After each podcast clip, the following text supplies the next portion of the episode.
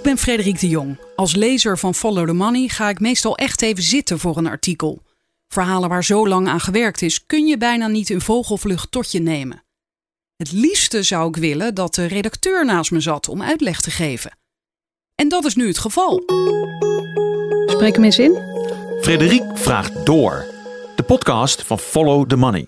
I know you're gonna dig this. Alweer een bijzondere aflevering van de podcast, want ik ga weer niet voorlezen. Ik heb hier de mannen van het platform Authentieke Journalistiek te gast. Bas van Beek en Alexander Beunder, van harte welkom. Dankjewel. Dank je. En jullie komen hier binnen met eh, ja, breaking news, kan ik dat zo zeggen? Ja, voor ons, uh, voor ons wel, voor het hele project. Ja, het is uh, positief. We gaan het Enigszins namelijk hebben positief. over de Shell Papers. Exact.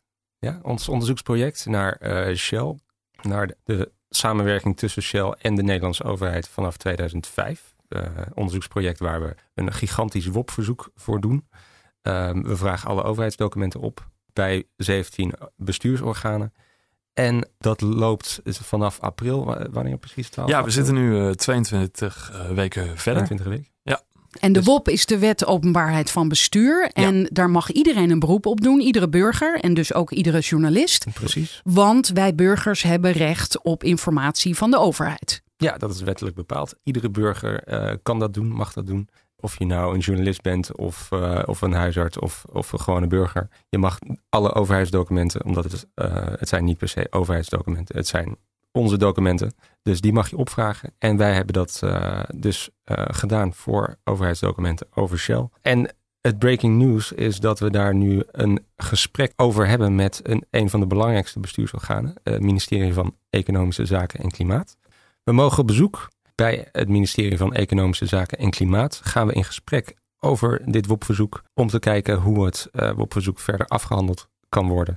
En daar hebben we lang op gewacht. We hebben eh, lang gehoopt op dit, op dit gesprek. We hadden gehoopt dat het eerder plaats kon vinden. Maar nu hebben we net bericht gekregen vandaag dat het gesprek binnenkort plaats Ja, want jullie vinden. komen dus binnen en vertellen mij van nou, we hebben net bericht. Eh, Ja. Want eh, de luisteraar zal misschien denken, is dit breaking news dan? Waar- waarom is het zo belangrijk, Bas? Nou, het is belangrijk omdat het ministerie van Economische Zaken en Klimaat, eh, die heeft zich eigenlijk opgeworpen als eh, in het begin probeerden ze eigenlijk alle bestuursorganen te vertegenwoordigen in het proces. Dus dan waren zij het aanspreekpunt. Ehm, daar zullen we later eh, meer over vertellen. Maar ze doen dat nu nog voor 13 andere bestuursorganen. En dus eigenlijk al het contact loopt met EZK over dit verzoek. Met, met de andere bestuursorganen hebben we nu een, een constructieve samenwerking. En EZK probeert dat eigenlijk het verzoek fors in te perken. En wij hebben meerdere malen gevraagd om, eh, om, om, eh, om een gesprek, om te kijken waar de knelpunten liggen, om te praten over hoe we dit eh, het beste aan kunnen pakken. We, zijn er, eh, we, hebben ook de eerste wettelijke termijnen, want een WOP-verzoek hoort normaal in acht weken hoort het eh, afgerond te zijn. Nou, dat is met dit verzoek onmogelijk. Dat, dat hebben wij ook al in het verzoek zelf geschreven.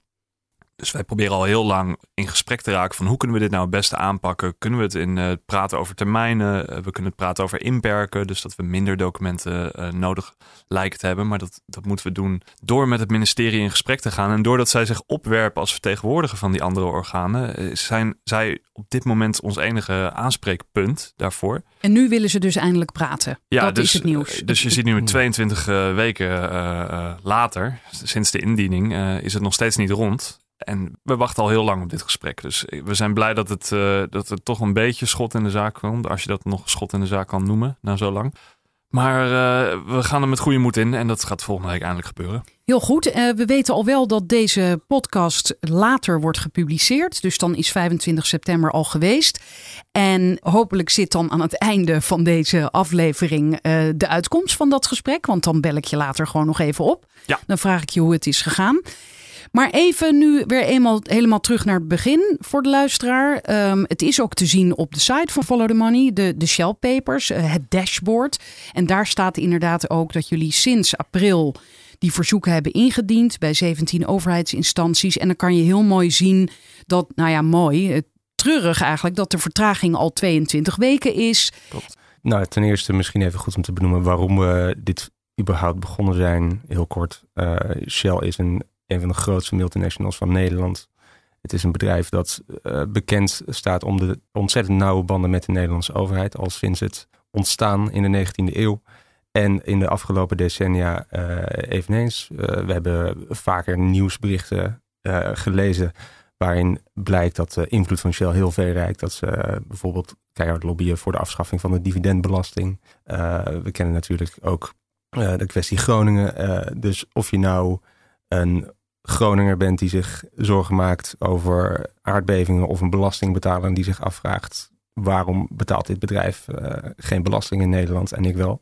Nog niet, want, want uh, sinds de miljoenennota uh, ja, is bekend geworden dat, ja, dat er misschien belasting betaald gaat worden. Ja, gelukkig. Dat is inderdaad na, na een discussie, lange discussie, is er eindelijk een plan voor. We weten nog niet wat, wat daaruit gaat komen. Maar tot dusver betaalt inderdaad Shell dat bleek onlangs, en dat heeft Shell zelf toegegeven, betaalden ze geen belasting, geen vennootschapsbelasting in Nederland. Door handig gebruik van uh, belastingverdragen en het uh, schuiven van winsten en verliezen. Nou, in ieder geval, we, we, dachten, iedereen, voor iedereen is het van belang dat we wat meer transparantie krijgen over de invloed op de samenwerking van Shell op de Nederlandse overheid. Omdat het gewoon op zoveel belangrijke dossiers uh, aan, de, aan tafel zit. Dus dat is de motivatie geweest om alle overheidsdocumenten op te vragen vanaf 2005 bij bestuursorganen die wij van belang achten. Dus we vragen het niet bij uh, uh, gemeente, nou noemen ze een uh, niet-zeggende gemeente. Niet zeggende. Nou, gemeente Amersfoort. Laten we die eens nemen. Gemeente Daar kom Amersfoort, ik uit. precies. Zo'n, zo'n in ieder geval gemeente waar Shell geen grote rol heeft, die vragen we niet. Maar wel 17 provincies, gemeentes en ministeries die een rol hebben. Jullie waren daar al langer mee bezig en hebben toen aangeklopt bij Follow the Money. En Follow the Money vindt dit ook zeer interessant. Sterker nog, vorige keer, de eerste aflevering uh, van de podcast over de Shell Papers, was ook met uh, Arne van der Wal, een van de hoofdredacteuren. En hij zei: Dit is een vraag die ik me al mijn hele journalistieke carrière uh, stel. Hoe innig is die band tussen Shell en de overheid? Ja. we deden ook al lang onderzoek naar, uh, naar diverse onderwerpen waar Shell ook een grote rol in speelde. Zo hebben we onderzoek gedaan naar de DTB, dat is de Dutch Trade and Investment uh, Board. Dat is, uh, dat is eigenlijk een samenwerking tussen economische zaken en, en buitenlandse zaken en diverse Nederlandse multinationals. Die, die kijken dan samen hoe het bedrijfsleven, hoe het makkelijker gemaakt kan worden door de overheid om te investeren in het buitenland en hoe het vestigingsklimaat in Nederland kan worden versterkt. Ja. En de eh. hervorming van ontwikkelingssamenwerking hebben ze een grote rol in gehad. Daar hebben we hier ook uh, in een podcast over gepraat, volgens mij. Dus dat het ontwikkelingssamenwerking ook steeds meer verweven raakte met het dienen van de belangen van het Nederlandse bedrijfsleven. Daar zat ook Shell dan weer aan tafel. Dus we dachten, ja, Shell zit wel heel veel dingen aan tafel. Dus we dachten, laten we een keer alles gewoon opvragen. Ja. Waar, waar zitten ze overal bij aan tafel? En, en waar praten ze over? En, en misschien zijn er nog meer dingen waar we dus niet vanaf weten. En uh, daar is dit onderzoek voor bedoeld. Ja, en je ziet ook dat de WOP is daar eigenlijk nog eigenlijk het laatste uitstekende middel voor om dat te doen. Het is een bedrijf wat ontzettend moeilijk is. We hebben laatst hebben we eh, Steve Cole, een journalist, geïnterviewd over zijn onderzoek naar ExxonMobil. En Steve Cole is echt uh, een wereldberoemde journalist. Die heeft ook uh, onderzoek gedaan naar Al-Qaeda, uh, terroristische groeperingen. De CIA. De CIA. En hij zei, bij uitstek was mijn onderzoek naar ExxonMobil was het allermoeilijkste onderzoek om te doen. Iedereen zegt nee tegen interviews. alles wordt afgeketst. En dat, is, dat is met Shell niet anders. Wij proberen ook vaak gewoon direct met het bedrijf in contact te treden. Dat is met Shell enorm moeilijk. Iedereen verwijst je direct door naar de persafdeling. En de persafdeling, ja, dat, uh, er komen nog net, uh, net wat zinnetjes uit. Maar wat komen eruit? Er komen nog net wat zinnetjes uit, uh, maar er komen geen daadwerkelijke antwoorden uit. Nee, en dat is natuurlijk apart. Het is een, zo'n enorm bedrijf. Het is een bedrijf dat heeft een, uh, ik had het nog even opgezocht, het heeft een omzet van iets van 275 miljard euro. Nederland, uh, Nederlandse BBP is iets van 750. Dus uh, het is meer dan een derde van het Nederlandse BBP. Het is een enorm bedrijf, internationaal en met gigantische investeringen. En zo'n nauwe samenwerking met de Nederlandse overheid, dan is het ja, eigenlijk vreemd dat daar zo weinig over bekend is van hoe verloopt die samenwerking precies, waar praten ze over. En ja, het is ook opmerkelijk. Ik begrijp het wel, maar er wordt ook niet heel veel onderzoek naar gedaan, omdat het ook zo lastig is. Dus... Ja, dus dit, dit is het heel duidelijk het waarom van jullie onderzoek. Het is dus uh, al voor april hebben jullie allerlei vooronderzoek gedaan van hoe zet je zo'n immense WOP nou op. Dat hebben jullie, doen jullie ook in samenwerking met Roger Vleugels, de WOP-expert van Nederland. Dat klopt. Hij vertelde in de vorige aflevering, want toen was hij er ook bij, dat hij geloof ik 7000 WOP-verzoeken in zijn leven heeft gedaan. Of was het nou per jaar? Nee. Nee, de, in zijn leven. In zijn Nee, carrière, zijn ja. carrière. Was, het- was het Ja. niet per week? Nee. Nee. Oké, en nu dan? ehm, jullie hebben letterlijk brieven verstuurd of e-mails? Hoe Ja, werkt dan, dat? Dan, dan moet je weer even terug. Vorig jaar is dat dus begonnen. Toen kwamen we met het idee. En toen is er echt een enorm vooronderzoek begonnen. Van, eh, je kan wel zeggen Shell. Eh, we, gaan, eh, we gaan Shell wel... Ja, wat, wat is Shell precies? Eh, dat, is niet, eh, dat is niet één entiteit. Dat, dat was in ons geval dus... Zover we konden, dat konden onderzoeken... waren dat meer dan 1500 entiteiten.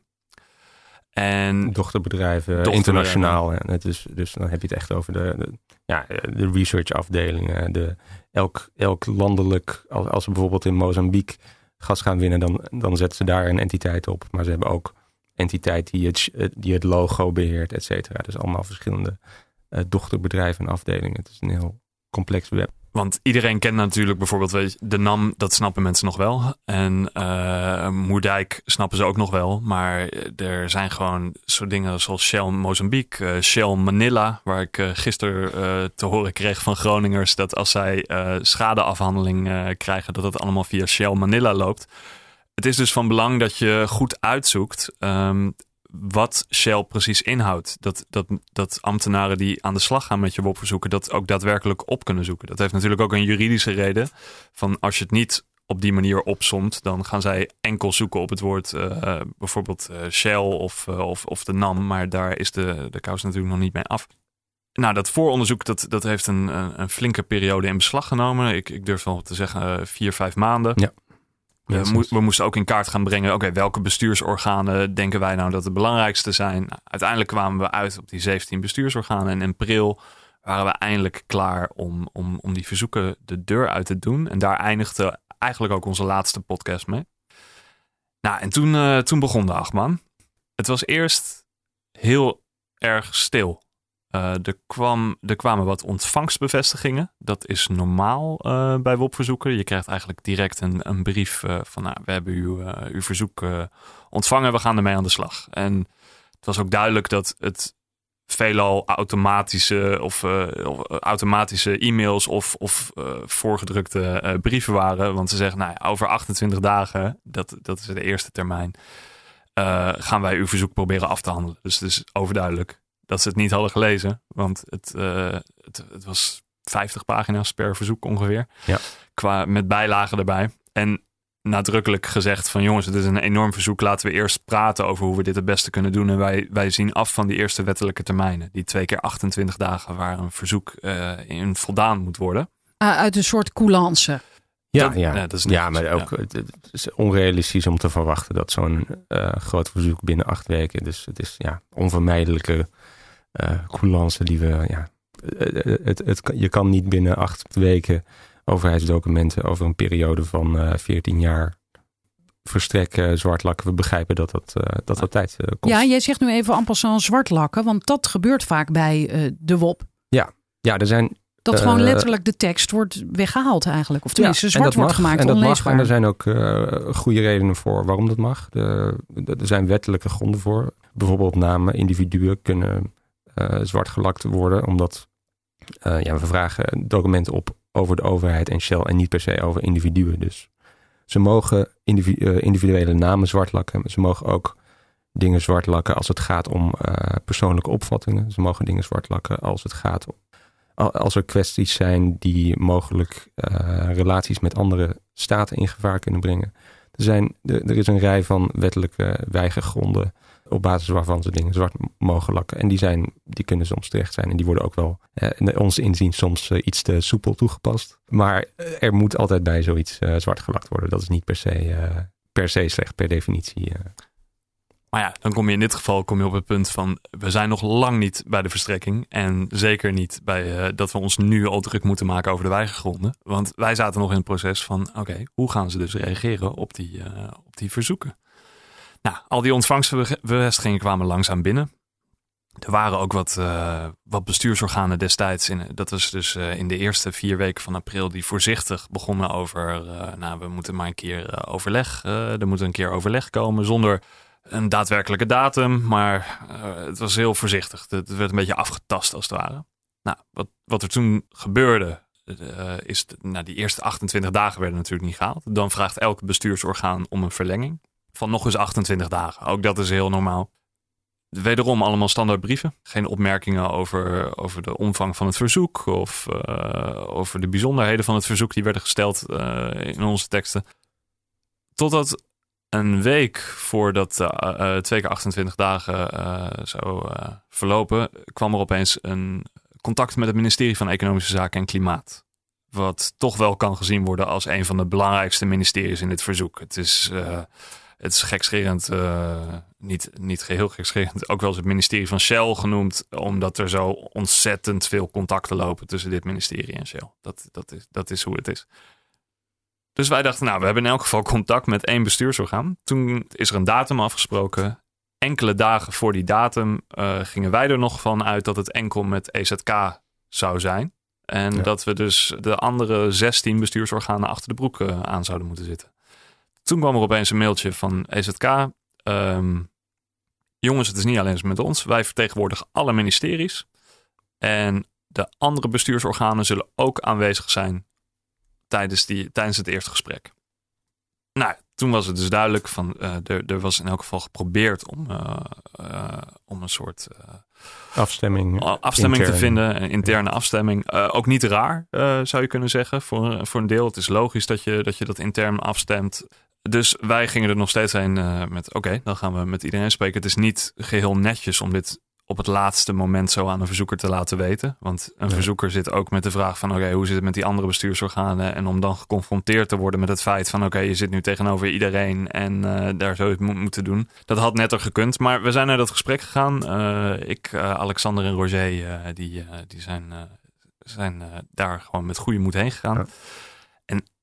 Aanwezig waren provincie Groningen als waarnemer, de gemeente Rotterdam als vertegenwoordiger van gemeente Amsterdam, gemeente Den Haag, uh, provincie Drenthe, provincie Zuid-Holland. En dat is al heel apart. Het klinkt me heel apart in de oren dat de gemeente Rotterdam als vertegenwoordiger daar zit van de gemeente Amsterdam. Dat, daar hebben wij ook veel grappen over gemaakt. We dachten, dat is al bijna een artikel Dat was het enige moment dat er eh, gelachen werd volgens mij in dat, uh, in dat gesprek. daar moesten we ook al eventjes om lachen. Het gebeurt niet veel. En de gemeente Groningen werd ook vertegenwoordigd door, uh, op dat moment nog door, door Rotterdam. Ja. En de, de, de ministeries dus weer EZK. En de, de, de, de afwezige was uh, gemeente Assen. Waar we nog een keer om hebben moeten vragen van uh, waar is gemeente Assen? En daar, daar werd eigenlijk een beetje zo schouders werden opgehaald. En iedereen zei nou niet hier.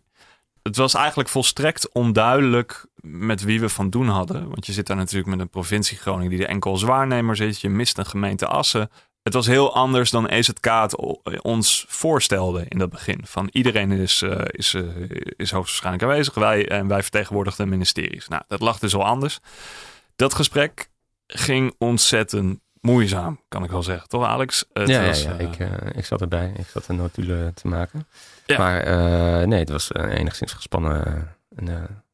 er hing wel een gespannen sfeertje in de lucht, laat ik zo zeggen. En er, werd wel, er werden wel wat aantijgingen heen en weer uh, uitgesproken. Nou, uh, toen al kwam EZK eigenlijk met de, met de belangrijkste kritieken op ons WOP-verzoek. Die, we, die kregen we toen voor het eerst uitgebreid te horen. En die hebben ze in latere brieven nog vaker herhaald. Maar de belangrijkste kritiek van hun is dat het heel groot is, ten eerste. Daar zijn jullie het mee eens? Daar zijn we het mee eens. Ja, het is, het is groot. Dus eigenlijk geen kritiek, maar een constatering. Ja, het is een constatering. Maar hun conclusie op basis van de omvang is dat wij dat ook, dat wij het eigenlijk niet echt doen vanwege onderzoek naar Shell, maar dat we eigenlijk de WOP misbruiken om de omgang van de overheid met een grootschalig WOP-verzoek als deze aan te tonen, bloot te leggen. Alsof we puur bezig zijn met het maken van een soort zwartboek over de WOP. Dat we daarom gewoon dit, dit WOP-verzoek maar eh, ja, eigenlijk Zomaar daarvoor hebben gebruiken. Om aan te tonen, kijk, kijk hoe slecht de overheid met de WOP omgaat. En eh, we, we eigenlijk geen echt onderzoek naar Shell willen doen. Dat, is, dat was dat werd maar toen voor het zit eerst daar een kern van waarheid in? Nee, daar zit geen kern van Ja. waarheid in. We hebben dat ook in latere brieven hebben dat uitgelegd. Eh, daar, daar kan ik later nog iets eh, meer aan toevoegen. Het gaat enorm slecht met de WOP. Bestuursorganen halen eigenlijk vrijwel nooit de wettelijke termijn. En dat maakt nou niet uit of je een enorm WOP-verzoek naar Shell doet of een, of een kleiner verzoek. Laatst stond het nog een artikel in de Volkskrant dat de wettelijke termijnen worden eigenlijk gewoon standaard overschreden op dit moment. Daar zijn meerdere redenen voor. Dat heeft vooral te maken met dat de archieven van de overheid en andere bestuursorganen zijn, op die zijn verslonst. Ze zijn vaak niet op orde en ze hebben vaak niet de mankracht om met de verzoeken aan, eh, aan de slag te gaan. Vaak is er nog maar één eh, ambtenaar aanwezig die zich echt eh, moet, moet focussen op de WOP. En als het een groter verzoek is, worden er gewoon wat ambtenaren bijgeplukt van diverse afdelingen. En, Eh, en dit wisten jullie al, dus in die zin kunnen jullie zeggen... eh, wij hoeven dit met deze WOP niet aan te tonen. Dit is al lang aangetoond. Nee, we hebben ook, we hebben ook eh, we hebben ooit een Ja. WOP-blog bijgehouden over ons verzoek, eh, onze WOP-verzoeken rondom Mozambique. En dan kwam dit ook allemaal aan de orde. Dat was ook een, het was een groot verzoek. Het, het valt in het niks bij dit verzoek. Maar de- ook daar kwamen, werden alle levertermijnen door alle bestuursorganen voortdurend overschreden. En daar schrijven wij over. En dat maar doen dat we is een, altijd. een- ja, dat, dat doen wij altijd. Of tenminste, daar zijn we mee begonnen al een eerder onder, onderzoek. Omdat we merkten dat dit, dit gebeurt gewoon veel achter, achter de schermen. Veel journalisten hebben hiermee te maken. En niet veel journalisten komen hier echt eh, naar buiten of beschrijven hoe moeizaam dat echt is. Dus we dachten, ja, we hebben al in eerder onderzoek dus besloten om dat proces ook, ook te beschrijven voor, voor lezers. Zodat ze ook weten van, ja, de overheid is niet zo transparant als eh volgens Maar de dat wet is moet. eigenlijk bij, bij dit hele Shell-onderzoek is- bijvangst. Om te laten zien hoe werkt Ja. zoiets nou. Ja, dat is iets wat, wat eh, platform journalistiek is. Dat, is dat gewoon gaan doen als, ja, omdat we dat gewoon belangrijk vonden om ook bloot te leggen. Maar dat is nooit de primaire reden geweest om een WOP-verzoek te doen. Zoals EZK eh, beweert of, of Ja, eh, dat- probeert vast te stellen. dat- maar los daarvan, want, want stel dat dat wel zo was, dan nog is het niet verboden om, die WOP, eh, om dat WOP-verzoek te doen, toch? Nee, Nee. klopt. Ze, zijn, ze zijn eigenlijk gewoon naar eh, redenen aan het zoeken om gewoon niet aan dit WOP-verzoek te voldoen. En je kan natuurlijk niet zeggen van, joh, weet je wat, bekijk het maar. Nee, wat zij dus gaan doen is van, jullie maken misbruik van de wet. Jullie gebruiken de wet zoals die eh, anders dan die eh, Bedoeld eigenlijk is. is bedoel, bedoeld is. Ik, ik heb wel eens gezegd dat het argument wat ze hebben gebruikt is eigenlijk precies het argument wat ze destijds met het referendum rondom Oekraïne gebruikten. Eh, van jullie gebruiken het, de wet om, om, om de referendum maar te starten, maar Oekraïne maakt jullie volledig niks uit. Ja. Dat, en zo, ditzelfde argument wordt eigenlijk nu gebruikt naar, naar dit project. Ja, ze zeiden destijds van jullie, jullie gebruiken dit referendum om aan te tonen dat het referendum geen invloed heeft of zo. toch? Inderdaad. Ja, dat, dat zeggen zij eigenlijk nu ook met dit verzoek. Van jullie gebruiken eigenlijk gewoon dit verzoek om, eh, om, om de stand van de WOP aan te kaarten en hoe de overheid zich daartoe verhoudt. Maar Maar als je, lo- ga- als je lo- gaat kijken naar onze eerdere dossiers, dan, dan kom je er gewoon achter. Het is, we- het is, en als je gaat kijken op Twitter, typ het in, typ WOP in, eh, WOP en journalistiek. En je ziet talloze eh, journalisten klagen over dat en de overheid zich nooit aan de termijnen houdt. En dat ze de, wet, de weigergronden veel te ruim interpreteren, waardoor je dus die welbekende zwartgelakte, volledig zwartgelakte passages ziet. Ja, of, of witgelakt. Want ik zag recent op Twitter Ja, inderdaad klopt. een journalist die liet zien... kijk, ik heb eindelijk eh, de documentatie binnen... en die bladerde dat door in een kort filmpje. Alleen maar witte pagina's. Ja, klopt. Soms Stond heb, helemaal soms, niks in. Soms heb je wit. Soms uh, je hebt ook software die elke weigergrond, er zijn er meerdere, uh, verschillende kleuren geeft. En dan heb je een soort regenboogje, die komt, uh, die komt ook nog wel eens voor. Maar die, dat was jullie eerste ontmoeting dus. Ja. Met die bestuursorganen en de vertegenwoordigers. Ja, Wat is er daarna eigenlijk gebeurd? Hoe, hoe dat eindigde was dat wij zeiden van we gaan niet nu al praten over inperken. Je kan niet zo, want daar kwam het gesprek eigenlijk uh, op neer. Van we willen eigenlijk dat jullie het grof gaan inperken. Voordat maar, we in gesprek gaan. Dus onze insteek was laten we gewoon open in gesprek gaan. Hoe kunnen we dit, uh, hoe kan dit WOP-verzoek afgehandeld worden? Zonder van tevoren het, uh, het verzoek in te perken. En eigenlijk legden zij meteen op tafel: nee, we gaan, we willen pas in gesprek als jullie het WOP-verzoek enorm inperken. En daar aan die eis bleven ze eigenlijk vasthouden in brieven die uh, ook later heen en weer werden gestuurd. En, Want met die boodschap zijn jullie vertrokken uit dat gesprek. Ja. Nou ja, we, we hebben natuurlijk wel gesteld van wij gaan niet praten over inperken als wij niet weten waar wij over praten. Daarom vragen wij altijd, dit doen bestuursorganen trouwens standaard, dat ze zeggen het is te groot. Dat is niet alleen met dit verzoek, dat doen ze vrijwel bij elk verzoek. Ik heb ook de- deze week heb ik nog een gesprek over een ander verzoek en het exact hetzelfde. Het is te groot en het komt meerdere malen voor. Daarom vragen wij altijd maak nou een, een, eh, een lijst van documenten. Eh, een- weet je, print uit het documentregister uit over hoeveel documenten het gaat. Daarachter kan je zelfs nog stellen van oké, hoeveel manuur is, eh, is hiervoor nodig om, om, om dit te verwerken. Laat ons zien waar het meest bewerkelijke zit. En als wij zo'n inventarislijst of zo'n, uit zo'n documentenregister krijgen, dan, of zelfs een onderwerpenlijst van dit zijn de meest belangrijke onderwerpen en we maken een schatting ongeveer van dat het zoveel documenten zijn. Dat, is, eh, dat, dat eh, doen bestuursorganen ook nog wel eens. Dat is, dat is vaak op een A4'tje, maar het is een schatting. Dan kunnen we in elk geval beginnen met te spreken over: oké, waar zit die bewerkelijkheid nou en waar Ja. zitten die knelpunten? En dan kunnen we, wat je dan vaak ziet, is dat we uit zo'n inventarislijst, als het echt op documentniveau, dat, dat komt ook voordat je die lijst krijgt, echt, dit zijn de, de lijst van documenten. Dat we gewoon zeggen van, ah, dit, dit hebben we niet nodig voor dit verzoek. En eh, dit, dit kan buiten beschouwing worden gelaten. En hier Ja. volstaat een steekproef bijvoorbeeld. Van eh, we willen even k- checken of, eh, of we met een steekproef of dit de documenten zijn die we nodig hebben. Je kan ook eh, kiezen voor andere methodes. Dat je zegt van nou jongens, jullie komen gewoon drie weken op een ministerie. En jullie gaan, eh, jullie gaan door die documenten. En jullie geven aan welke documenten je wel of niet wil hebben. De, dat, het komt Dat niet, zouden jullie ook prima vinden.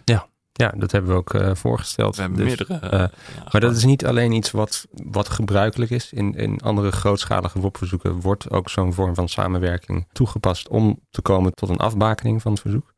Maar ik, kan ook even eh, drie, artikel 3. eh, wat is het? Artikel 3.4 voorlezen uit de Wet Openbaarheid van Bestuur. En daar staat het gewoon.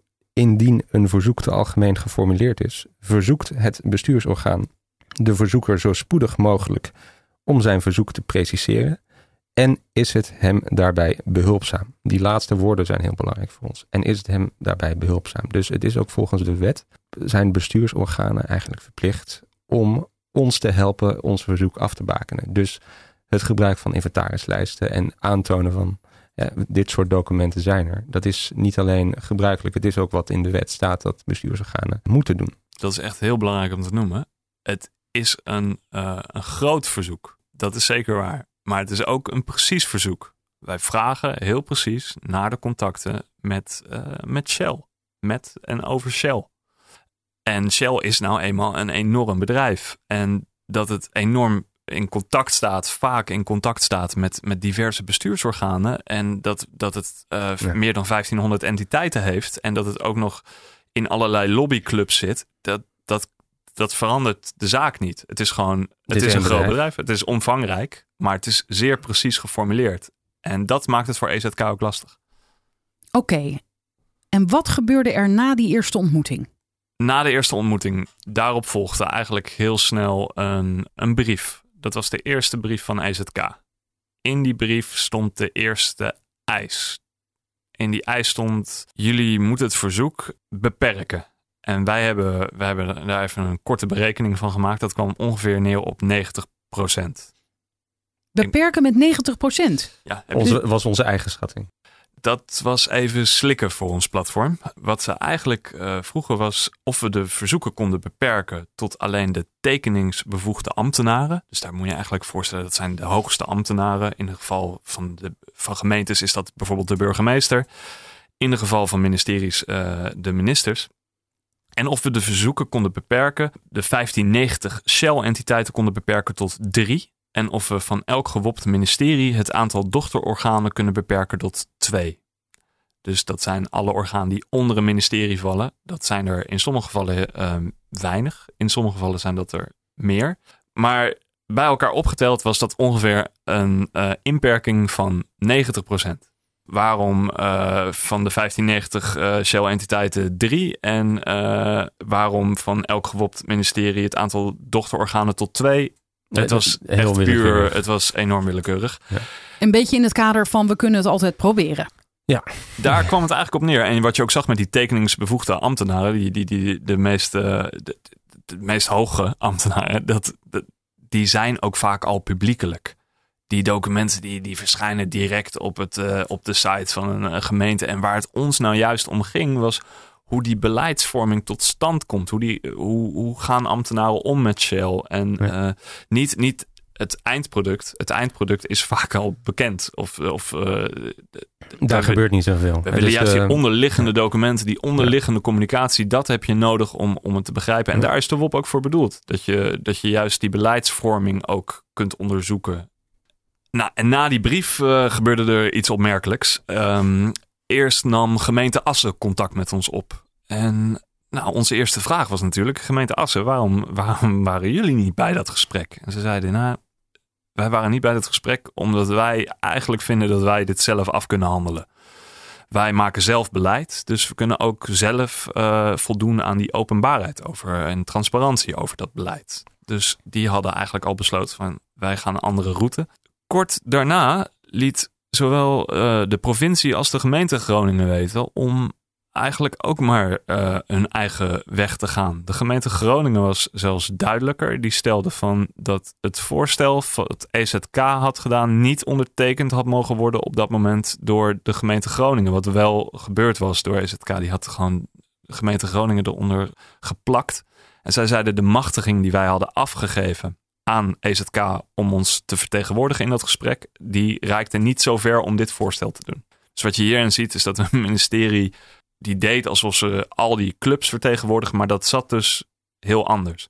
Provincie Groningen zat al, om eh, even terug te grijpen, als waarnemer bij, bij dat gesprek. En die stelde nu heel duidelijk van oké, na dit gesprek hebben wij ook besloten om, om toch maar onze eigen route te kiezen. En dat was voor jullie goed nieuws. Dat was heel erg goed nieuws. Dat wat ook leidde tot krantenkoppen als noordelijke bestuursorganen eh, trekken hun eigen koers in het Shell Papers dossier. En reageren als eerste. Volgens mij in welke krant was dat? Dat eh, Ja, Als, ze, eh, ze waren het meest... eh, positief. ja, volgens mij... eh, Een soort van heel trots bericht van wij werken eh, RTV wel mee Noord aan, was, eh, heel, het heel, was ontzettend blij dat gemeente eh, Assen als eerste... Die, die had Ja. echt als allereerste op het verzoek gereageerd. Het is natuurlijk leuk om te zien dat er een soort van hè, positieve eh, concurrentie ontstaat van wie werkt het beste mee met eh PHJ. En natuurlijk de onder, het onderliggende is natuurlijk dat de noordelijke bestuursorganen die hebben nogal wat contact gehad over dit, het gasdossier met EZK.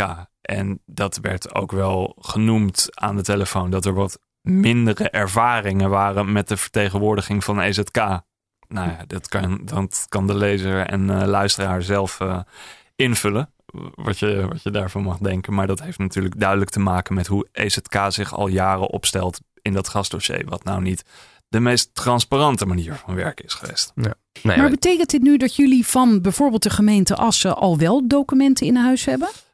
Het, zoals we al zeiden, het is een lang proces. En eh, dat, is, eh, dat is zeker het geval. Maar we zijn heel... Oh, voor- wel? we zijn, Ja, inventarislijst. we hebben inventarislijsten. Oké. Ja. Want, Ja, ik zou hier veel te ongeduldig voor zijn, merk ik al. Maar jullie hebben dus een enorm geduld. nou ja, Merel is... eh, Ja, die hebben we nog helemaal niet genoemd. Merel de Buk, onze, eh, de, de journalist die samen met ons werkt in het platform Authentieke Journalistiek, die is naar de gemeente Assen gegaan en die is naar de provincie Groningen gegaan. Ik ben zelf naar de gemeente Groningen gegaan. Daar hebben we dus gewoon gepraat over wat is nou de stand van zaken? Wat is de, waar zitten voor jullie echt de knelpunten? Nou, bij sommige gemeentes was dat heel duidelijk. Zeggen van eh, we hebben te weinig medewerkers. Het is moeilijk om te zoeken in deze delen van het archief. Maar daar waren ook allemaal oplossingen voor gevonden bij de gemeente. Kortom, ze waren behulpzaam. Ja, ja. Zoals ze dat moeten zijn volgens de wet. Ja, precies. Klopt, dat, is, ja. dat staat eh, nogmaals artikel 3.4. Dus eh, daar hielden ze zich eh, aan. En- En, en, we mochten meekijken. En we, we, we kregen op schermen. Dat moet echt Dat gezegd worden. Sommige gemeentes hebben echt, en de provincie hebben echt enorm hun best gedaan. Ze hebben eh, software eh, aangeschaft om dit, om dit mogelijk te maken. Zeiden ook van dit is voor ons ook echt eh, een keer, laten we een keer goed doorpakken. Om ook die archieven gewoon echt up-to-date te maken. En Ja. Ja, we, we, we merkten ook gewoon wat sympathie voor het project. Zelfs onder ambtenaren die dachten, ja, dit is, dit is eigenlijk wel belangrijk dat hier transparantie over komt. ja, die spraken je ook gewoon aan in de hallen van jongens, ja, Ik heb ook buurmannen die getroffen zijn uh, door, door bijvoorbeeld die bevingen in, uh, in de regio. En uh, wij willen eigenlijk ook wel een keer transparantie over, dit, over, over die banden met Shell. En in hun geval natuurlijk de NAM. Dat proces loopt nog. We hebben inventarislijsten gekregen en we, we hebben daar weer op gereageerd. En daar is in ieder geval een briefwisseling over ontstaan en, en afspraken geweest. En dat, dat proces uh, loopt. We, we, we, weten niet of dat, hè, eh, hoe dat verder gaat. En we, we, we kunnen nu niet voorspellen van dat gaat helemaal goed lopen. Misschien nee, en laat staan dat jullie al iets weten over de banden tussen de overheid en Shell. Nee, het, is, het, is, een lang proces om dit te doen. En wat het, wat het wel mooi laat zien, is dat als we het op deze manier aanpakken, dat we ook heel vaak uh, heel veel documenten weg kunnen uh, laten, uh, buiten beschouwing kunnen laten. Wat we ook altijd tegen EZK hebben gezegd: van ga nou constructief met ons in gesprek. Nou, wat zie je bijvoorbeeld bij een gemeente Groningen? Die zegt van joh, we hebben enorm veel bestemmingsplannen rondom die tankstations van Shell ja, totaal niet interessant van ons onderzoek. Maar natuurlijk vind je dat als je op Shell komt. Nou ja, dat ja. kunnen wij wegstrepen. Dat is weer zoveel uh, documenten minder. Maar ook, er moet, als je gaat boren in de grond, dan moet je even checken of er een gasleiding ligt. Uh, dat is heel normaal. Nou ja, daar natuurlijk ook het geval. Nou, er komt, uh, er komt de NAM en uh, de gasleidingen daar komen natuurlijk uh, vaak aan de orde. En heel vaak is dat gewoon even een melding van zit er een gasleiding? hoe diep zit die? Alles is in orde, oké. Okay. Maar dat is wel één document. Ja, als je dat 10.000 keer dat soort meldingen hebt, gaat het 10.000 documenten. Daar, dat maar we ook zijn allemaal... dat documenten die jullie wel even scannen en dan zelf deleten? Of zeggen jullie tegen de ambtenaren, die hoef je niet eens op te sturen? De, in dit geval hadden we gezegd, dit hoef je niet eens op te sturen. In sommige gevallen zeggen we, doe, doe even een steekproef. Dat kan rondom sommige, ja, rondom sommige vergunningen. Uh, dat we het toch even kijken. Dan hebben we het niet over die Shell tankstations, maar andere vergunningen. Dat we even zeggen, nou, doe even een steekproef. Uh, je mag uh, twee projecten daarvan van nemen. Als het voor ons niet interessant is, hebben we niet meer nodig. En zowel, dan, dan vragen we toch op. Maar kijk, soms zo'n inventarislijst, daar staat dan een. Dat, dat, die inventarislijst bestaat zelf uit een aantal pagina's uh, met uh, in bullet points een opsomming van de mapjes die er zijn. En, en sommige van die mapjes, die, ja, die hebben niet zeggende namen. Waarvan we gewoon niet weten, wat, wat is dit? Wat zijn dit voor documenten? We hebben geen idee. Dus dan in zo'n geval kunnen we vragen om uh, extra toelichting of een steekproef om, om te weten, ja, wat, wat, wat zit er eigenlijk achter? Dus. Oké, okay, dus, dus dit is uh, op dit moment de stand van zaken. Maar dan hebben we ook nog niet besproken dat uh, op de site van Follow the Money dat dashboard dus staat. Maar jullie hebben ook echt gezegd tegen de lezers van doe mee aan dit onderzoek. In, in hoeverre hebben mensen daar gehoor aan gegeven? Uh, ja, we krijgen ontzettend veel tips binnen. Elke keer als we een artikel publiceren, dan krijgen we daar tips over binnen. En sommige van die tips, die, dat zijn meer gewoon uh, aanmoedigingen. Van ga zo door. Of, uh, of stel je harder op. Of, uh, maar ook, ook concreet informatie. We hebben ook wel eens van academici die ons zeggen... we zijn, we zijn met onder, onderzoek bezig... wat gerelateerd is aan dit onderwerp. Misschien willen jullie een keer praten en die, die bellen we dan op. Dat soort tips krijgen we, krijgen we binnen. We hebben ook mensen die gewoon ervaring hebben binnen, binnen Shell of daar gerelateerd aan zijn. Nou ja, dat soort mensen spreken we ook gewoon om puur om de context te begrijpen. Want als we die documenten uiteindelijk krijgen, dan dat, dat zijn natuurlijk ontzettend veel en ingewikkelde technische documenten ook. Die moeten we kunnen interpreteren. Dus we hebben zoveel mogelijk context, kennis ook nodig om die documenten uiteindelijk te analyseren. Daar, zijn we natuurlijk al lang mee begonnen, maar die tips die helpen daar ook ontzettend bij. Die, die vertellen ons uh, over kwesties waar we gewoon niet aan gedacht hebben. Van, uh, of er nou iets speelt met uh, bodemverontreiniging of, of iets anders. Aan sommige mogelijke gevoelige dossiers hebben we gewoon zelf totaal niet aan gedacht. Totdat iemand met een tip binnenkomt. Dus dat is, dat is ontzettend nuttig. Dus blijf ze vooral sturen. En eh, Bas, jij vertelde vorige keer dat jullie ook een groep van twintig, meen ik, hoogleraren aan jullie verbonden hebben aan dit project, die dit project steunen. En die dus, begrijp ik nu, Alexander, straks nodig zullen zijn om misschien uh, die documenten ook door te spitten? Of kunnen jullie dat allemaal zelf? Die, die zullen zeker helpen met het doorspitten van die documenten. Dus dat is nu nog even afwachten. Maar ondertussen geven die ook ontzettend veel tips en die geven duiding bij bepaalde delen van ons onderzoek. Eh, we zijn eigenlijk begonnen met veel van deze hoogleraren te interviewen van, nou, over, over het onderwerp, over, over hun kennis over Shell. En, en dat heeft weer heeft gezorgd voor veel nieuwe bevindingen. Dus dat, dat loopt ook enorm. Hun rol zal waarschijnlijk actiever worden zodra de documenten er, er zijn. Maar ondertussen kregen we een volgende brief van Economische Zaken en Klimaat. En daarin antwoorden ze eigenlijk op onze kritiek op hun eerdere verzoek. Dus wij, nogmaals, zij verzochten ons om een hele grote inperking van het verzoek. Wij antwoorden daarop uh, liever niet. We praten toch echt liever op basis van inventarislijsten en pas later over inperking. En toen kregen we een nieuwe brief en daarin stond een wel heel merkwaardig verzoek. Ze herhaalden namelijk dat ze vermoeden dat, dat we de WOP misbruiken voor het maken van een zwartboek eigenlijk. En ze zeiden, ja, het is zo'n grootschalig verzoek dat, dat, dat, dat kunnen jullie niet onderzoeken, zo'n grootschalig uh, WOP-verzoek en al die documenten die eruit komen. Dus ze zeiden nogmaals, we vermoeden echt dat jullie eigenlijk niet onderzoek willen doen naar Shell, maar gewoon willen aantonen dat, het, dat de overheid slecht omgaat met WOP. En kunnen jullie alsjeblieft, om dan aan te tonen dat jullie wel echt onderzoek doen naar Shell, jullie onderzoeksopzet misschien opsturen. Of in ieder geval Hè? iets wat daarop uh, op lijkt. Iets wat daarop lijkt. blijkt. Dat is helemaal uh, raar. kunnen jullie aantonen wat jullie onderzoeksdoelen zijn, mogelijk door uh, een, het op, opsturen van een onderzoeksopzet. Is dit gebruikelijk? Nee, dit, Nee. Is, eh, dit is heel heftig. Dat opeens een ministerie aan journalisten gaat vragen van mag ik even jullie onderzoeksopzet. Eh, dat vond de Nederlandse Vereniging van Journalisten en de, de VVOJ, de Vereniging van Onderzoeksjournalistiek, eh, die vond dat ook. Dus die hebben daar ook op gezegd van dit is een zeer ongewenst precedent. En dit, eh, Nou, ongewenst. Het is ook gewoon nogmaals weer eh, onwettelijk. Dus eh, artikel, art- artikel 3.3 van de wet openbaarheid van bestuur. De verzoeker behoeft bij zijn verzoek geen belang te stellen. Dat betekent simpelweg dat je niet hoeft uit te leggen waarom je het WOP-verzoek doet. Het bestuursorgaan moet gewoon eh, het WOP-verzoek inwilligen op basis van wat er verzocht wordt en wat er juridisch verstrekt moet worden. En niet daarbij rekening houden wat de verzoeker met die papieren wil gaan doen. Dat mag eh, geen rol spelen in de inwilliging in dit hele proces. Dus ik neem Dus- ook aan dat, jullie, dat dat jullie antwoord was. Nou, ons antwoord was eigenlijk van we hebben eigenlijk al heel uitgebreid beschreven wat we gaan onderzoeken. Dat was het mooie natuurlijk aan dit, aan dit hele dashboard. Dat we ook lieten zien waarom beginnen we dit onderzoek? Wat gaan we eigenlijk onderzoeken? Ja, precies. Ja, het staat dus gewoon het staat- online. Het staat, staat allemaal online. Dus dat was eigenlijk ons antwoord. Wij willen ook niet dat dit een soort precedent gaat worden. Dat ze opeens elke journalist met een WOP-verzoek gaan vragen. Joh, doe ook maar even je onderzoeksopzet. Ja. Dus wij hebben gezegd, we willen nog wel een keer een samenvatting geven van wat daar staat. Dat, dat vinden wij prima. Maar Maar een beetje onder protest hebben we zeg maar wel dat meegestuurd. En, maar eigenlijk geciteerd uit dingen die al online te vinden waren over waarom we dit onderzoek doen.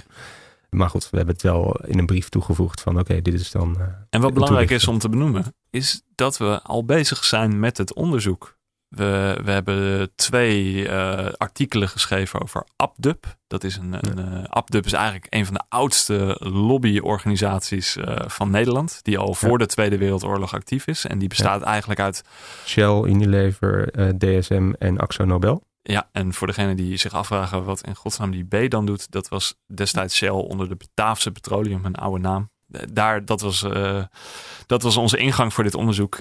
Dat was een, we begonnen aan het onderzoek omdat SOMO, eh, dat, is een, eh, een, eh, dat is een onderzoeksgroep die doet onderzoek naar multinationals. Die had een WOP-verzoek gedaan over AppDub. Die documenten waren beschikbaar en wij zijn daar eigenlijk met hun toestemming mee, mee aan de slag gegaan. Daar hebben we twee artikelen over geschreven, die inmiddels op Follow the Money te lezen staan. Dus ja, dat, dat is gewoon het soort onderzoek wat we doen. We bekijken die documenten, we zoeken context, we praten met betrokkenen. Dat is ja, wat Platform Authentieke Journalistiek al vijf, zes jaar, hoe lang bestaan we? Zes, Zes jaar. jaar. Al doen. Dus het is, eh, ja, we lezen dus dat met verbazing van, jullie willen geen onderzoek doen. Ja, dat is het enige wat we doen al zes jaar. Het was ook Ehm, een beetje aan wanhoop staat van EZK om dit zo te framen en ook om, eh, om het zo. Het, eh, ze wisten ook wel dat we dat natuurlijk niet gingen geven. Het, het was echt een poging van oké, dan zoeken we maar een reden om, om hier niet mee verder te gaan. En is dit ook waar Kamervragen over zijn gesteld? Niet alleen Kamervragen, maar Ja, onder andere Kamervragen. Sandra Beckerman en Peter Quint eh, van de SP. Twee, eh, twee Kamerleden die hebben eh, Kamervragen gesteld aan zowel OCW, waar media onder valt. En Onderwijs, cultuur en wetenschap. onderwijs, cultuur en wetenschap. Daar valt media ook onder. Dus vanuit Peter Quint, dat is zijn portefeuille, was, waren de vragen van ja, dit behoor je toch niet aan journalisten te vragen. Sandra Beckerman heeft dezelfde vraag gesteld aan EZK. En natuurlijk ook vanuit haar achtergrond als Groninger, die zich enorm eh, zorgen maakt om dat gaswinningsdossier. Van hier moet toch gewoon transparantie overkomen. Waarom, waarom wordt er niet gewoon voldaan aan, aan die WOP-verzoeken? Maar dat gebeurde ook in uh, de gemeente Den Haag, gemeente Amsterdam, gemeente Rotterdam, de provincie Zuid-Holland, de provincie Groningen. Daar kwamen ook statenvragen en raadsvragen. Dus je zag echt, het begon opeens te leven. Van, en, en die vragen waren natuurlijk ook van, hey, waarom doen wij, waarom worden wij vertegenwoordigd door EZK? Waarom doen wij niet hetzelfde als die drie uh, noordelijke bestuursorganen en gaan we niet gewoon onze eigen weg hierin? En die vragen, daar zitten we nu middenin. De, de, er kwam eigenlijk een eerste reactie vanuit EZK, vanuit Wiebes. Die zei van, ik kan nog geen antwoord geven op deze vragen. Want er is een interdepartementaal uh, afstemming is nodig om antwoorden te geven op deze vragen. Nou ja, daar kan ik wel een beetje verklappen. Dat hadden we ook al op Twitter gedaan, wat hier nou aan de hand is. Want wij hebben natuurlijk ook bronnen binnen, binnen ministeries en uh, provincies en gemeentes. En zover ik het begrijp, is er een, een, een ruzie tussen het ministerie van Binnenlandse Zaken, BZK, en het ministerie van Economische Zaken en Klimaat over de behandeling van dit verzoek. Aha. en hoe moet je dit nou een beetje zien? Binnenlandse Zaken is verantwoordelijk voor de WOP. En, en straks haar, haar opvolger, de wet open overheid, overheid uh, de WO.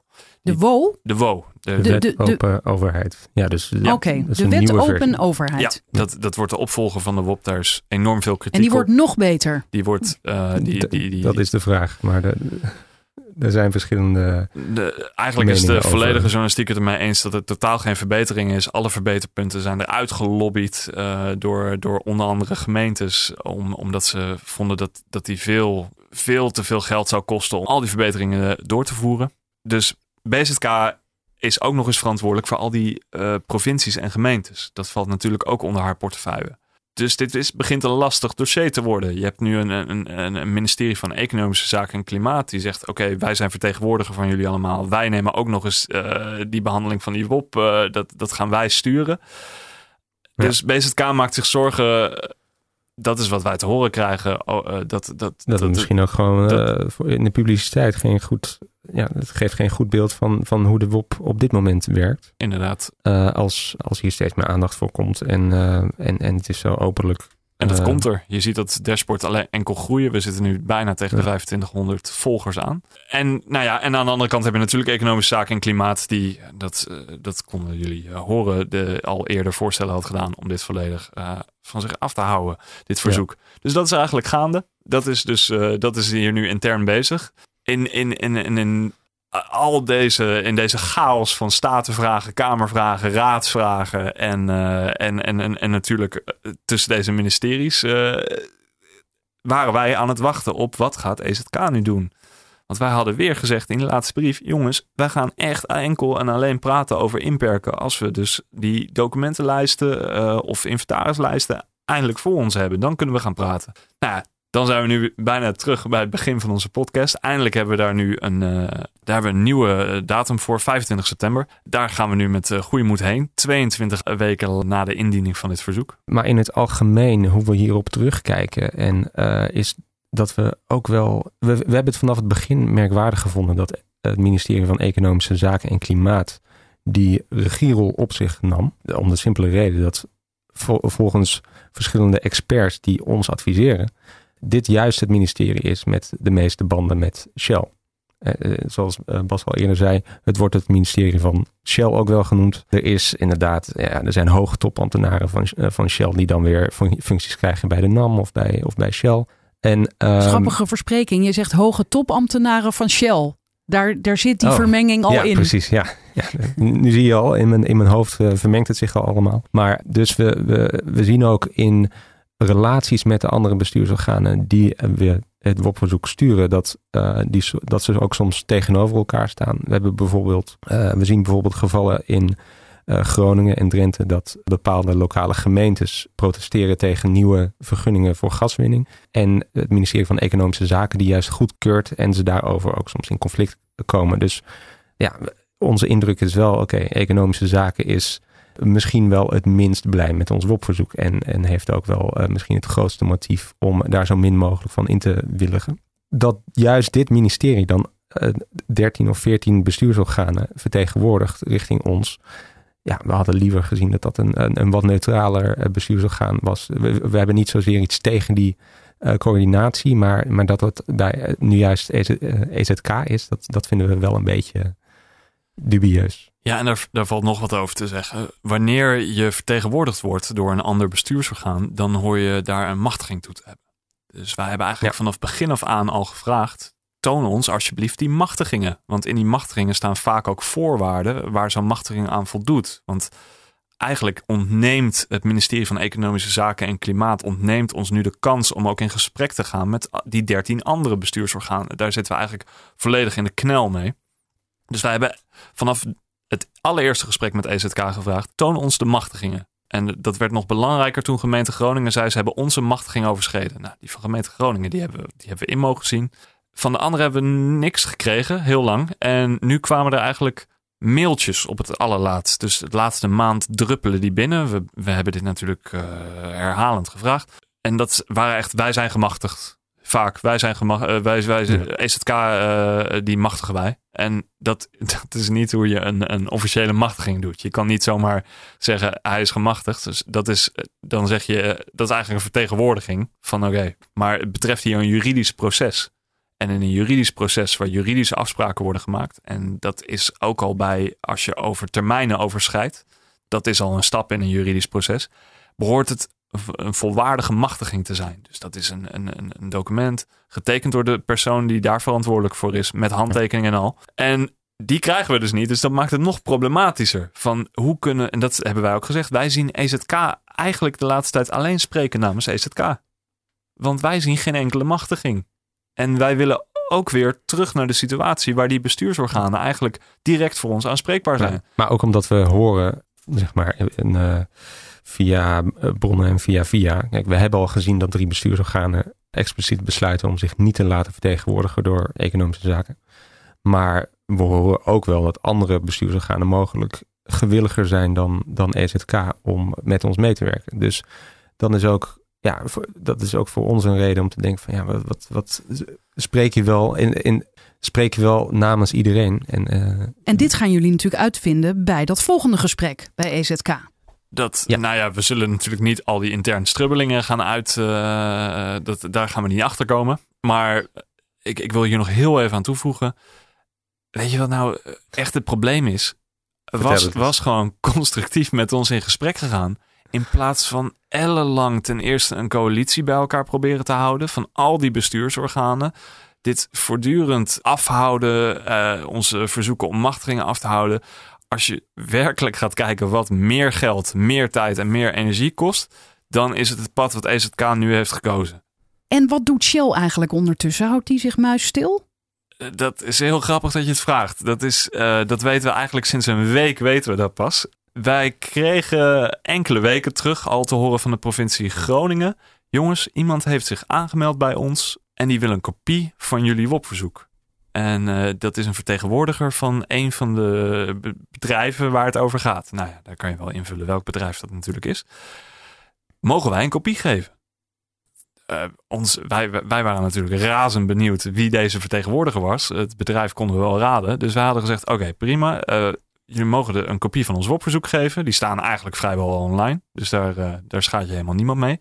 Haal onze persoonlijke persoonsgegevens er even uit. En dan zijn wij er helemaal prima mee. Maar wij zouden het zeer op prijs stellen. als wij dan ook de documenten krijgen. die jullie hebben gekregen van deze vertegenwoordiger. Nou, een week geleden krijg ik netjes een mailtje van de provincie Groningen. Wij hebben het verzoek gestuurd en de vertegenwoordiger was, eh, was hiermee akkoord. Dat was Van der Velds eh, Advocaten. Dat is een advocatenkantoor in Den Haag. Gespecialiseerd in eh, bedrijfsrecht en milieurecht en onder andere ook het bestuursrecht. En die is ingehuurd in Shell al in juni om zich eigenlijk te buigen over de Shell Papers en hoe daarmee om te gaan. En die hebben alle 17 bestuursorganen dan al gevraagd om een kopie. De enige waar we dit dus van te horen hebben gekregen is de provincie Groningen. En ze zijn, zo, zo maak ik op uit de communicatie, direct gestapt naar de provincie Groningen om te vragen van jongens, leuk dat jullie die inventarislijsten met die lui gaan delen. Maar dat, die willen we eigenlijk als e- allereerste gaan zien. Want in inventarislijsten kan ook al eh, bedrijfsgevoelige informatie zitten. En dat willen we eigenlijk toetsen. En de grap is waarschijnlijk dat dit gewoon mag, want zij mogen ook een beroep doen op de WOP. zij, en elke, elke derde die genoemd wordt, dat maakt niet uit of jij het bent of, of officieel het is in die documenten. Als je voorkomt in die documenten, heb jij recht op zienswijze. Dat houdt in dat als een bestuursorgaan zegt: jongens, we gaan deze documenten openbaar maken. Dan mag jij zeggen van of je het daarmee eens bent. Of dat je zegt, jongens, ik wil dat eigenlijk ook zwart. Dus dat mag Shell ook gaan doen? Dat mag Shell ook gaan doen. Wat niet mag, is eigenlijk nu al in dit proces, als wij nog aan het overleggen zijn, om je daar op deze manier nu al in te mengen. Je, je kan het proberen, dat mag inderdaad. Maar een bestuursorgaan hoort gewoon inventarislijsten met ons te kunnen overleggen. En daar natuurlijk rekening mee te houden dat je daar al niks laat zien. Dus dit is gewoon een, dit is even makkelijk proberen. Uh, maar het advocatenkantoor is zich gewoon dus aan het voorbereiden op die zienswijze. Dat zie je dus. Heel spannend, enorme cliffhanger. Ik spreek jou binnenkort over die afspraak op 25 september. Want dat willen we natuurlijk ook weten in deze aflevering. Voor nu, heel erg bedankt. Alsjeblieft. Alsjeblieft, graag gedaan. Nou, Frederik, woensdag 25 september was het dan eigenlijk zover. Uh, wij konden eindelijk naar een afspraak met het ministerie van Economische Zaken en Klimaat. Om te spreken over de voortgang van de Shell Papers. Een afspraak waar we echt al weken op aan het wachten waren. Uh, van onze kant waren dat Merel de Buk, Alexander Beunder, Roger Vleugels, onze juridisch adviseur, en ikzelf. En van de kant van de EZK was het iemand van de communicatieafdeling, een jurist en een, een notulist. Ook aanwezig was een jurist van de gemeente Rotterdam, die zij de lagere bestuursorganen die wij hebben aangeschreven te vertegenwoordigen. Het was eigenlijk een zeer teleurstellend gesprek. Uh, het ministerie bleef aansturen op grove inperking van het verzoek zonder hier een voorstel voor te doen uh, of aan te geven waar nou de knelpunten liggen om dit verzoek gewoon uit te gaan voeren. Zoals de noordelijke bestuursorganen wel doen. Je zag in hun eerste brief dat ze vooral aanstuurden op, nou ja, perk dan in elk geval uh, de Shell-entiteitenlijsten in die jullie hebben aangeleverd. Uh, de, de, de, meer dan 1500 uh, eh, entiteiten die onder Shell vallen. Nu ging het vooral over: kunnen jullie het alsjeblieft niet inperken tot één onderwerp rondom Shell en hun relatie tot de Nederlandse overheid? Bijvoorbeeld milieu of financiën of energietransitie. Ons antwoord daarop was eigenlijk nee, dat kan niet. Uh, de kern van ons onderzoek is dat we kijken naar de relatie tussen Shell en de Nederlandse overheid in brede zin. Je ziet ook dat, uh, dat dit enorm veel raakvlakken heeft. Dus het heeft voor ons weinig zin op één specifiek onderwerp uh, te focussen. Wel hebben we gezegd dat we graag mee willen denken over waar deze, hoe we het ministerie van dienst kunnen zijn om het makkelijker te maken. Dus we hebben aangeboden om bijvoorbeeld al voorinzage te krijgen in documenten om uh, te helpen nadenken hoe we dit in fases aangeleverd kunnen krijgen. Maar eigenlijk wou het ministerie hier weinig van weten. En toen kwam er ook een nieuw argument naar voren. Het ministerie zou om principiële redenen ook tegen dit verzoek zijn.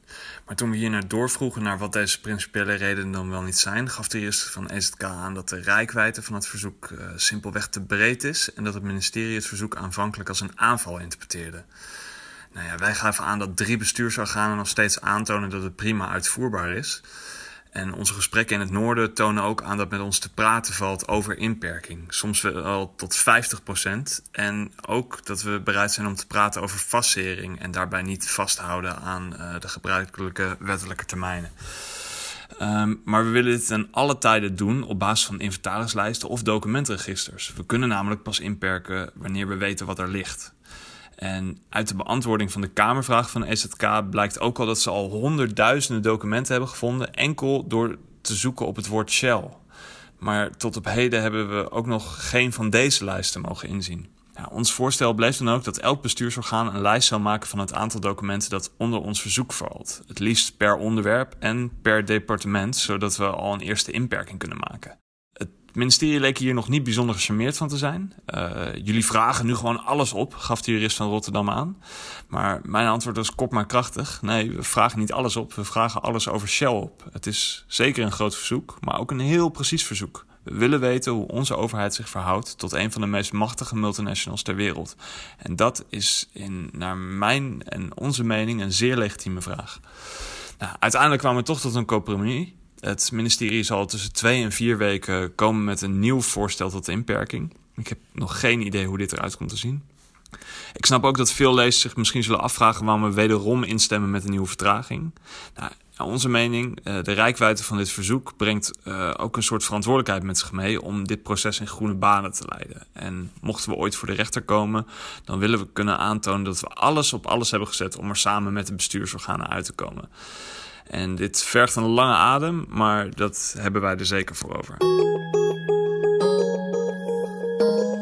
Wil je weten wanneer een nieuwe aflevering online staat? Schrijf je in voor mijn nieuwsbrief. Die vind je bij ftm.nl/slash Frederiek.